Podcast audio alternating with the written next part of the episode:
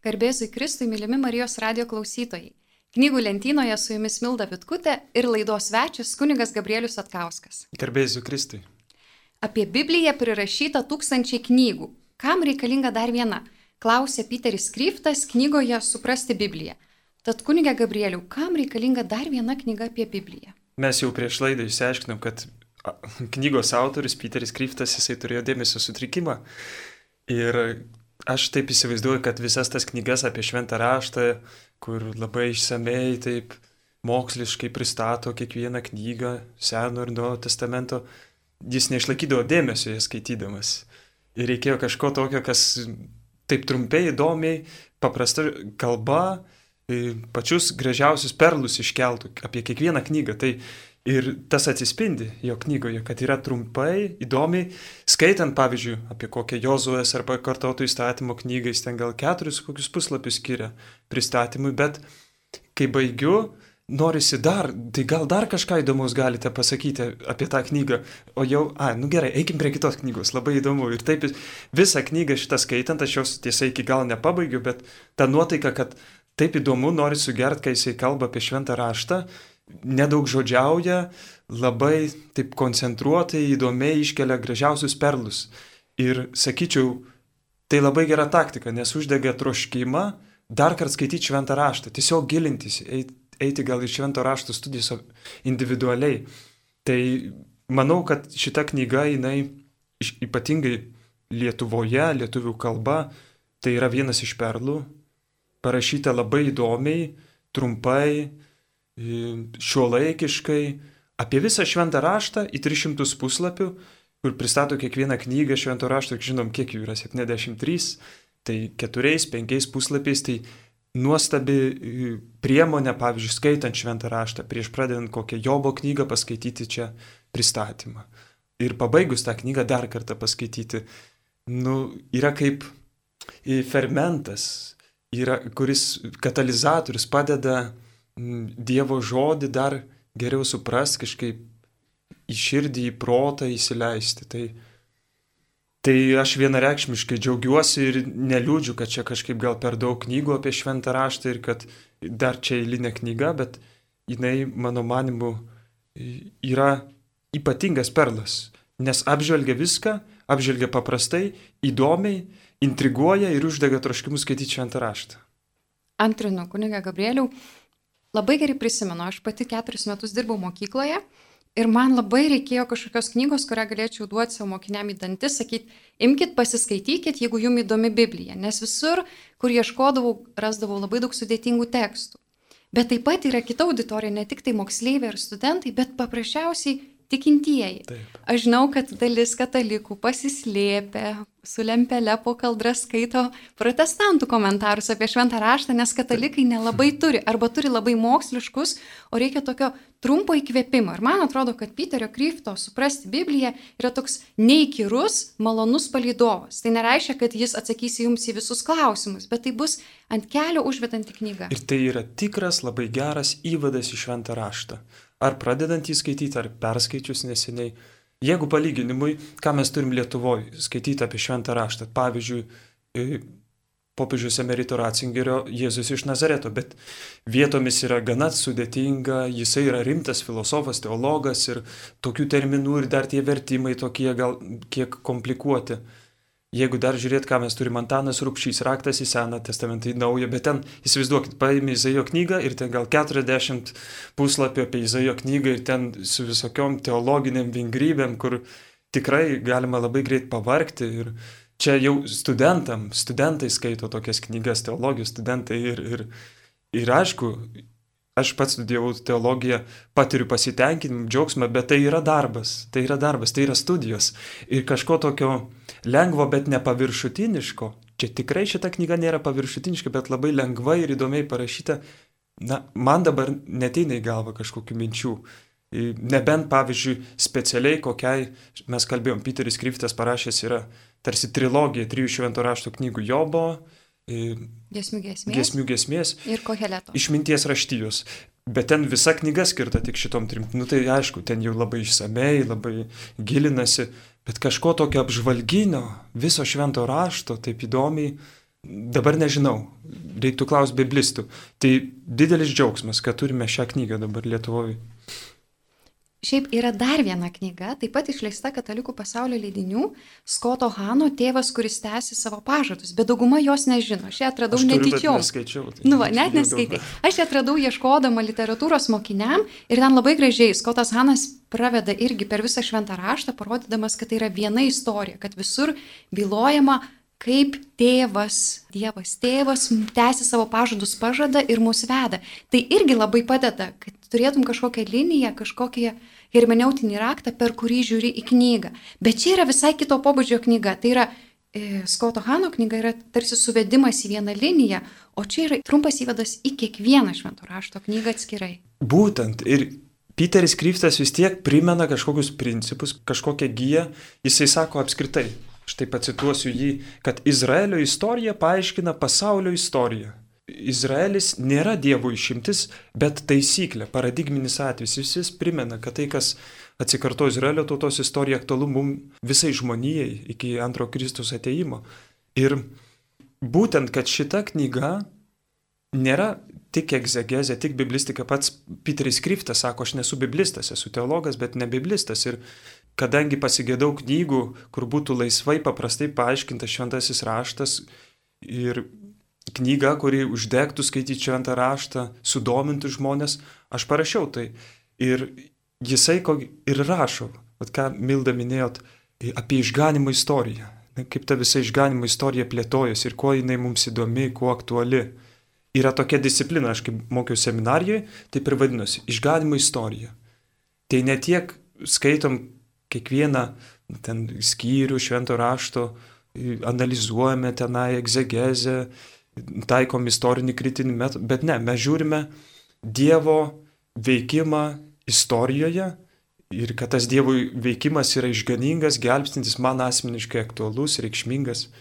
Tai būtent šita knyga į tai veda. Pamatyti, kaip ypatingai Dievas myli žmoniją ir gelbėja ją. Atlieka išganimo darbą liturgiją. Opusdėjai. Laidos pradžioje, kuniga Gabrieliau, paminėjot štai, va, Peteris Kryftas turi dėmesio sutrikimą. Yra labai įdomi istorija, kaip jis atrado, kad jį turi. Jis vedė savo dukrą, nes matė, kad kažkas netaip su jos raida. Jie diagnozavo dėmesio sutrikimą ir tada gydytojas sako, bet žinokite, man atrodo ir jūs tą patį turite.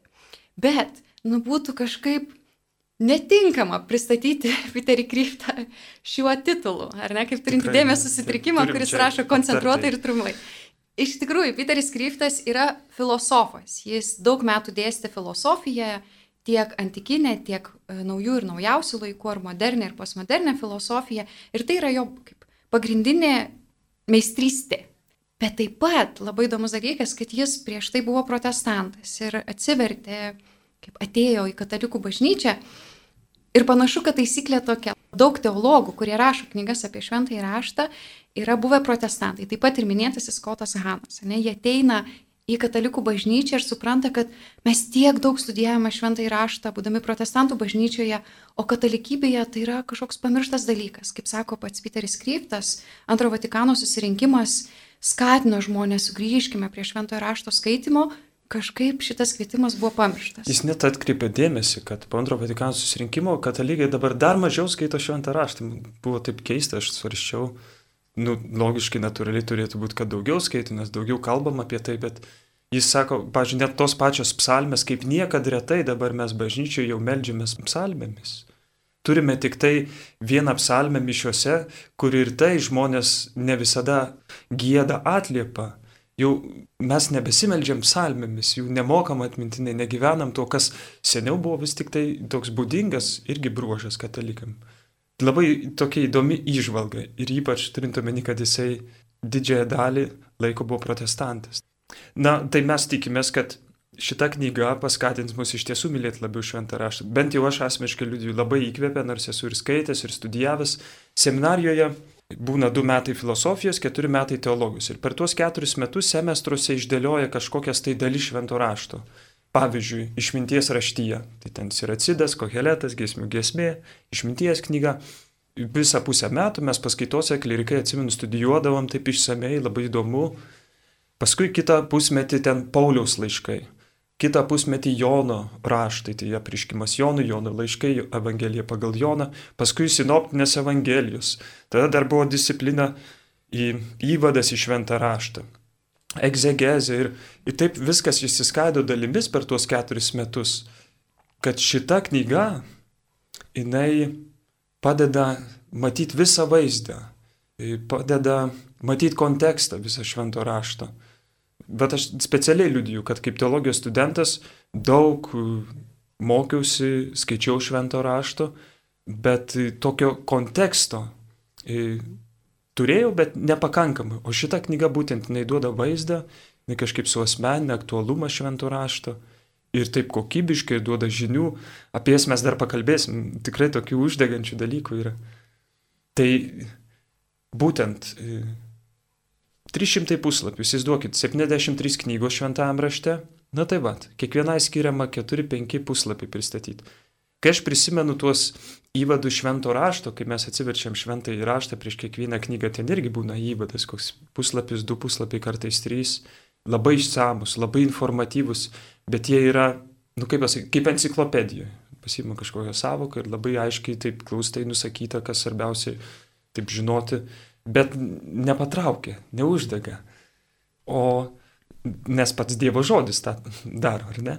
O šita knyga yra dar kartą pasikartosiu, skaitant šventą raštą, ar perskaičius jį, ar norint pradėti vėl skaityti, ar sustojus, užstrigus, jinai vėl atnaujina užsidėgymą, pažinti Dievo žodį. Gal mes galėsim paskui įvadą aptarti, ką pats Peteris Kryftas sako apie Dievo žodį, kaip gražiai čia yra tiesiog nuostabi katechezė, kas yra šventasis raštas. Prieš kalbant apie įvadą, e, paties Peterio Kryfto pastebėjimus, kaip reikėtų skaityti šventą raštą, aš norėčiau pridėti, kad yra žmonių, kurie iš atsivertimo, entuzijazmo arba paklausę kokios nors geros paskaitos apie šventąjį raštą, užsidega skaityti šventąjį raštą ir tada stringa kur nors. Pavyzdžiui, aš pati pirmą kartą strigau kunigų knygoje. Kunigai, skaičių knyga. Skaičių. Ir tiesiog tu paskesti teisynuose ir detalėse ir tiesiog negali judėti į priekį. Antrą kartą skaitant e, strigų Jozuės knygoje, visi žiaurumai, kaip čia viską vertinti, kas čia vyksta, nieko nesupranti. Tai ši knyga yra toks geras palydėtojas, kai kažkur stringi. Man atrodo, ji padėtų nestrikti, padėtų rasti perspektyvą, nes man ko ji patiko, kad ji supažindina su kontekstu, kuris leidžia iš naujo pažiūrėti Bibliją arba E, pažiūrėti kitų žvilgsnių, negu kuris dėl mūsų šio laikinio konteksto veržėsi skaitant vieną ar kitą knygą. Nes pavyzdžiui, jis pateikė religinį, kultūrinį kontekstą, kuris tuo metu buvo, kai buvo rašoma šventojo rašto knyga. Tai tu tuomet pamatai ne tik tai šios knygos, ne tik Biblijos išskirtinumą tuo metu, kai buvo parašyta, bet ir dabar, kad savo nešama žinia Biblija yra išskirtinė knyga ir šio laikiniam kontekstui. Ir, pavyzdžiui, man labai patiko skyrius apie pradžios knygą, kai jis kalbėjo apie kūrimo pasakojimą ir kalbėjo, kad kūrimas iš nieko tai buvo išskirtinė idėja senajame pasaulyje, bet taip pat ir dabartinėme pasaulyje, dabartinėme mokslinėme pasaulyje. Kūrimas iš nieko yra protą nunešanti idėja. Jis nuneša stogą ir jeigu tu įsigilini, supranti, kad, oho, šita kūrimo iš nieko idėja perkeičia visą mūsų mąstymą apie tikrovę. Taip, ir Pyteris net ir sako, kai Dievas kūrė pasaulį, yra šventam rašte visai kitas žodis naudojamas - bara. Tik Dievui priskiriamas tas žodis, ten kelis kartus pradžios knygoje žmogus niekada nesugeba kurti taip, kaip Dievas kūrė, nes iš tiesų kurti tai iš nieko. Suduo, suteikti kažkam egzistenciją, buvimą, suteikti esmę. Mes tai tik tai kompiliuojame, tik tai manipuliuojame tą tikrovę, kuri mums duota. Ne, bet tik Dievas gali kurti iš nieko. Mhm. Ir jis neskiria tam daug laiko, labai paprastai, labai kažkaip sklandžiai jisai tos dalykus pateikia, labai įdomiai. Taip, ir tada tu skaitai apie kūrimą iš nieko ir permastai šio laikinio gamtamokslio kūrimo pasaulio vaizdą. Jis ir mini įvadė, pavyzdžiui, sako, žvelk į visą apimantį paveikslą į tai, kas svarbiausia, čia dėl, kalbant apie tą užstrigimą. Užsižiūrėjęs į medžius, neišleisk iš akių viso miško. Neleisk, kad keli dalykai ar epizodai išmuštų tave iš vėžių. Kiekvieną epizodą stengi suprasti kontekste. kuriame jis pateikiamas įskaitant visos Biblijos kontekstą. Ir ta knyga tobulai padeda išlikti kontekste ir prisiminti, kad yra išganimo istorija, yra Dievo planas, kaip mus atpirkti, išgelbėti. Ir net Jozuos knygoje, man tai, kaip Peteris Kryftas pristato Jozuos knygą, ko nelabiausiai ir palėtė, nes pasirodo, Jozuė yra mm, ne tik Moze yra laikomas e, Jėzaus prototipu, Ne, Jėzus vadinamas naujoji Moze, nes per Mozę buvo išvesta Izraelio tauta iš Egipto nelaisvės, faraono, velnio įvaizdis. Bet ir per Jozuą, ir pasirodo Jozuės vardas, žydai rašo taip pat turi tą pačią reikšmę kaip ir Jėzaus vardas. Jozuė reiškia gelbėjimas, viešpats gelbsti ir Jozuė tas pats, ir Jozuė irgi Jėzaus prototipas. Galim Jėzų vadinti naujoju Jozuo ir tie visi žiaurumai, kiek ten buvo šešios giminės, septintoji būtų Egipto tauta.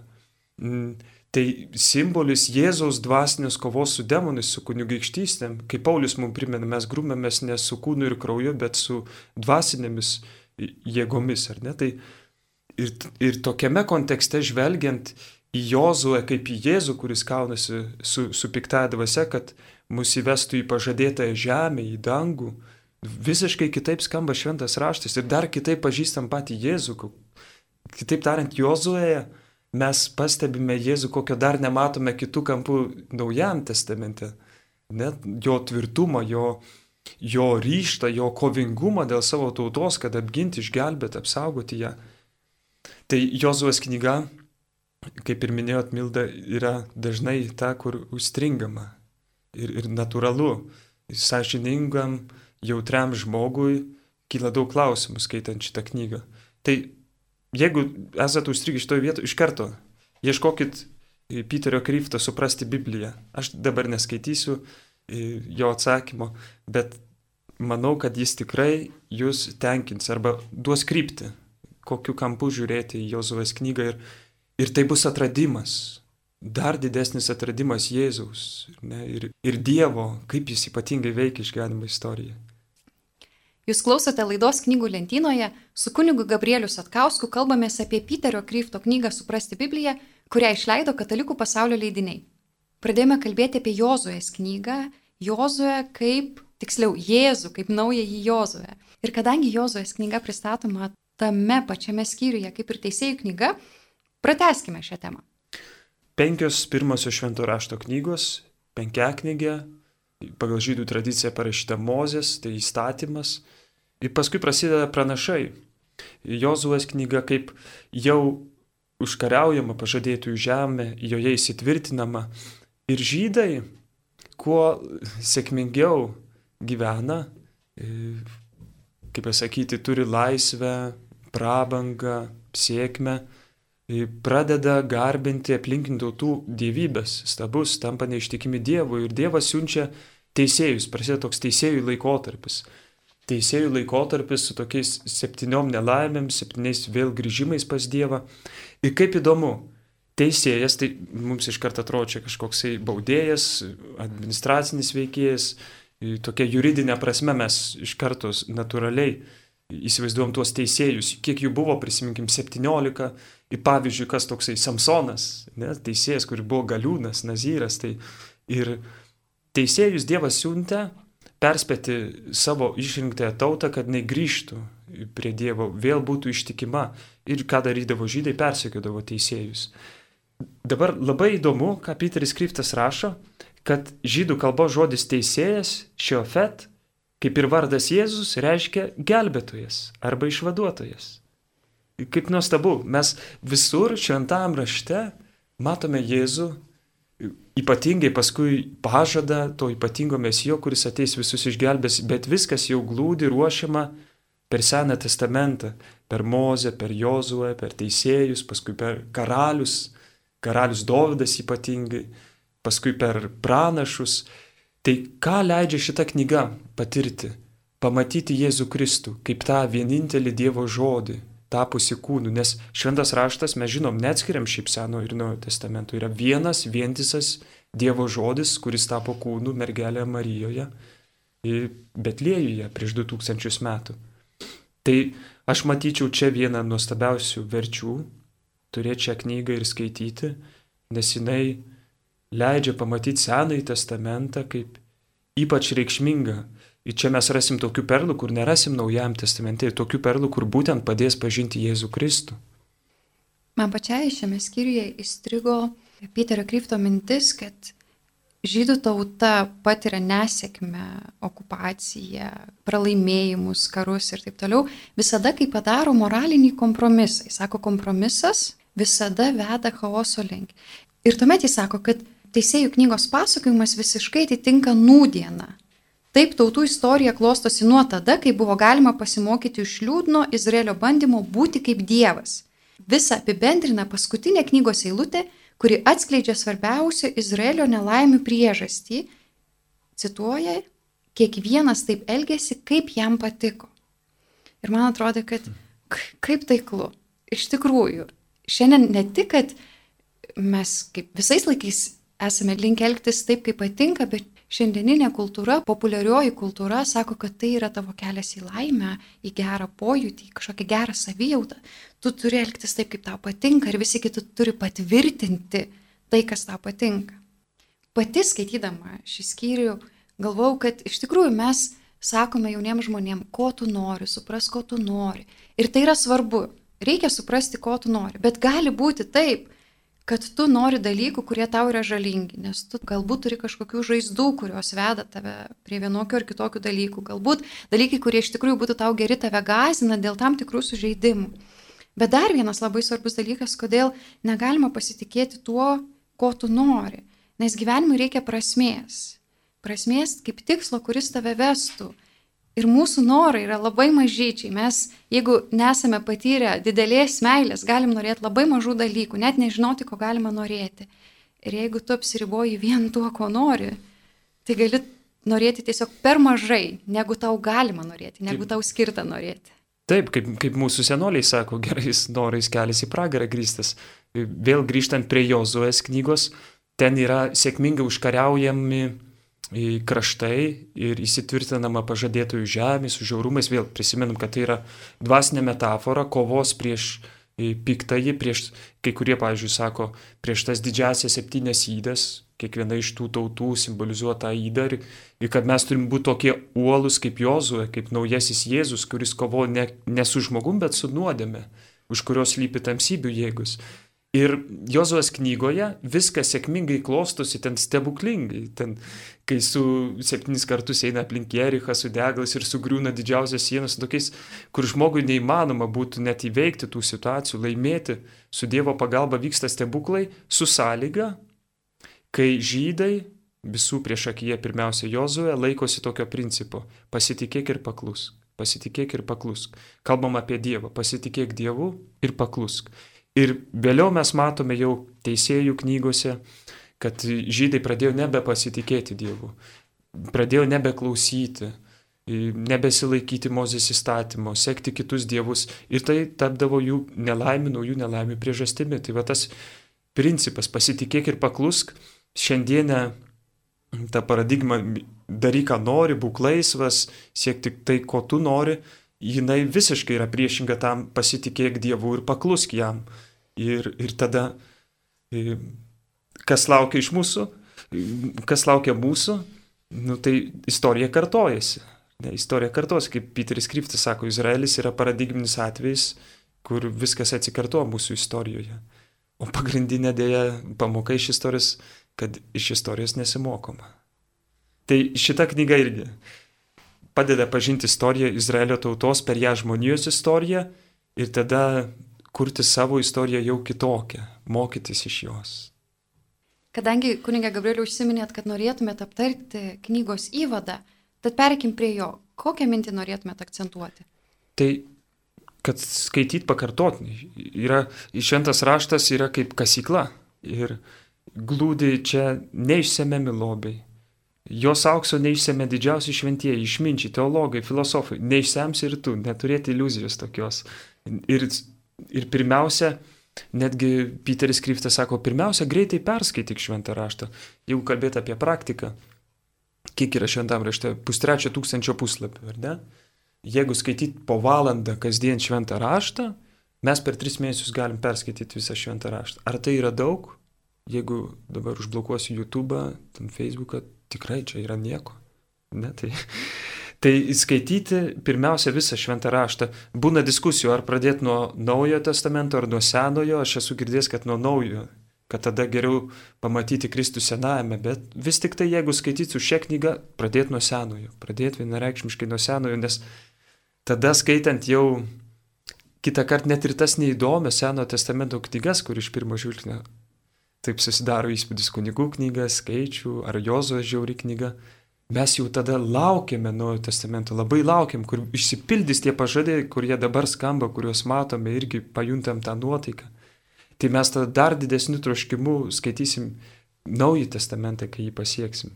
Žodžiu, autorius sako, perskaityti greitai, pirmiausia visą šventą raštą, o paskui lietai, neskubant, nekreipiant dėmesio į laiką, gardžiuojant, svarstant, medituojant, mastant, klausant, iš lėto pasineriant į dvasios jūrą ir plaukiant joje, skrodžiant jos bangas savo sielą. Yra nuostabus įvadas. Sakyčiau, galima daryti drąsiai skrajutę ir įdėti kaip skirtukai kiekvieną šventą raštą, jeigu mes platiname. Ir, bet yra kas svarbiausia - būti sąžiningu, skaitant šventą raštą. Nes tai yra knygų knyga. Biblija dera tikėti ne todėl, kad ji gali padėti, paguosti, bet kartais mes taip tiesiog ieškom naudos kaip vaisto. Neinaudinga ne dėl to, kad gražiai parašyta, kad įdomi, nes Biblija iš tiesų yra nepaprastai įdomi knyga. Jis yra vertinga ne tik dėl to, kad naudinga, Piteris Kryptas sako, jie dera tikėti tik dėl vienintelės svarbios priežasties. Ji kalba tiesą. Ji kalba tiesą. Ir jei būtų kitaip, jie neturėtų tikėti ne vienas doras žmogus, net dėl visų kitų čia išvardytų priežasčių. Biblija kalba tiesą, tad net jei ir neturėtų čia išvardytų ypatybių, naudinga, gera, įdomi, kas nebejotinai taip yra, kiekvienas doras žmogus turėtų ją tikėti. Ieškokite tiesos ir ją rasite. Tai Biblijos pažadas. Tai čia pagrindinė priežastis, kodėl skaityti šventą raštą. Ji kalba tiesą. Ji kalba tiesą. Tai nėra žmogaus žodis, tai Dievo žodis. Nėra kitos tokios knygos. Tai yra šventa knyga, tai pats autorius, pats Dievas kalba, kai skaitom šventą raštą. Ir pratęsiant dar noriu vieną vietą pacituoti iš įvado. Piteris Kriptas sako, Biblijos skaitimas turėtų būti tam tikra malda. Biblija skaitytina Dievo akivaizdoje taip, tarsi bandytume išvelgti jo mintis. Tai ne šiaip knyga, bet tau skirtas Dievo meilės laiškas. Tai Dievo apreiškimas, jo mintys įsiskverbiančios į tavo mintis ir skaitimą, taigi skaitimas yra tavo atliepas į jo mintis ir valią. Skaitydamas Bibliją savo mąstymą ir valią derini su Dievo mąstymu ir valia tai maldavimo tiesie tavo valia įgyvendinimas. Svarbiausias ir pagrindinis dalykas, kuriuo padedami galime pasiekti savo žemišką į tikslą - šventumą ir laimę. Labai gražų žodžiai, tiesa, netiesa žodžiai, bet kartais, iš, sakau, iš to atsivertimo entuzijazmo, kai mėsi Biblijos, nepavyksta su jie melstis, reikia kažkokio palydėjimo, kažkokio supratimo. Yra knygų, su kuriuom labai lengva E, melstis, skaityti ir melstis, bet kai kur reikia gero neįkyraus palydovo. Ir dėl to aš irgi sakau, perlas e, reikalinga knyga, ilgai laukta knyga Lietuvos skaitytojui, ypač katalikui. Kad galėtum su ją melstis, reikia tam tikro supratimo. Ir dar norėčiau pantrinti mintį, kad tiesiog Bibliją reikia skaityti. Kažkada buvo paklaustas kunigas Algirdas Akelaitis, garsus Lietuvos biblistas, kaip skaityti Bibliją. Ir jo atsakymo pradžia buvo, pirmiausia, ją reikia skaityti. Ir Peteris Kryftas irgi įvadė duoda taisyklės apie tą skaitimą. Atsibink keturis klausimus, kuriuos dera užduoti šią tvarką. Štai įsivaizduokim, perskaitau kažkokį skyrių ir tada paklausiu. Pirmiausia, apie ką kalbama konkrečioje ištraukoje? Kokie faktai pateikiami? Tai, tai mes vadinam žodinę prasme. Nu tiesiog, ką mes pirmiausia pastebim, tai kokia informacija pirmoji. Antra, ką tai reiškia? Ką tuo norėjo pasakyti autorius? Tai yra interpretavimas. O mes kitą kartą už šio laikinio žmogaus batų bandome žiūrėti tai, ką parašė nuo metų žmogus, kaip paminu iš Biblijos įvadų mums sakė, šventasis raštas, atsiminkit, pirmiausia, nebuvo parašytas lietuviams, antra, jis nebuvo parašytas lietuvių kalba, jis buvo parašytas semitų, kur yra visiškai kita kultūra, visiškai kitas pasaulio supratimas. Nu visuose ligmenyse yra iš esmės kita kultūra, mes indoeuropiečiai, jie Ir mums reikia pirmiausia įlipti į semito batus, kad galėtume skaityti šventą raštą ir jį suprasti, bent jau neklaidingai. Antra, neparašytas lietuvių kalba. Ne? Tai nu, ta mintis, kad kiekvienas vertimas yra interpretacija. Čia, aišku, žiūrint toli į ateitį, kai mes perskaitysim šitą Peterio Kryfto knygą, šventą raštą, kai melsimės, tada jau pagalvoti apie tai, ar nereikėtų pabandyti paskaityti originalų kalbą bent jau Naująjį testamentą, graikų kalba. Nes originalas jisai būtent yra originalas. Lietuvių kalba, ką mes skaitom šventą raštą, tai yra vertimas. Galima įvairiai versti atitinkamas vietas. Štai dabar pasirodo vis nauji vertimai. E, daktarės Ingridos Gudauskinės, kunigo daktaro Danieliaus Dikevičius, tokie interlinijiniai vertimai, pažodiniai šventų raštų ir galim paimti palyginimui, kaip atrodo jie ir, ir, ir mūsų skviretsko, rūpšio šventas raštas iš ir pamatysit, kaip skiriasi. Tai įsivaizduokite, kiek daug yra variantų, kaip švent versti šventą raštą, tai geriau originalą. Bet aš jau nuplaukė kunigėlį, daug mėgsta kalbėti, atleiskit, mėlyjeji, me kulpa, grįžtant prie Piterio Krypto šitos taisyklės ir ją baigiant. Pirma, Kas konkrečiai pateikiama šito ištraukoje? Antra, ką tai reiškia? Ką to norėjo pasakyti autorius? Trečia, ar tai tiesa? Ir tai jau yra tikėjimo klausimas. Ketvirta, kas iš to? Kaip tai paveikia mane, dabartinį mano gyvenimą? Tai pritaikymo klausimas, kitaip tariant, dvasinė moralinė prasme. Kaip mane įkvėpia keisti šiame gyvenime kasdienybėje. Ne? Ir galiausiai man labai labai patinka, kad kaip sakėt kuniga Gabrieliau, Piteris Kryftas visur pasako, kad šita knyga yra Dievo žodis, o Dievo žodis yra Kristus. Ir ši knyga mus veda prie didesnio Kristaus pažinimo.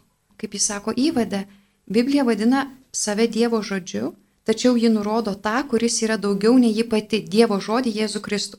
Kiekvienas žodis šioje knygoje yra dalis jo portreto.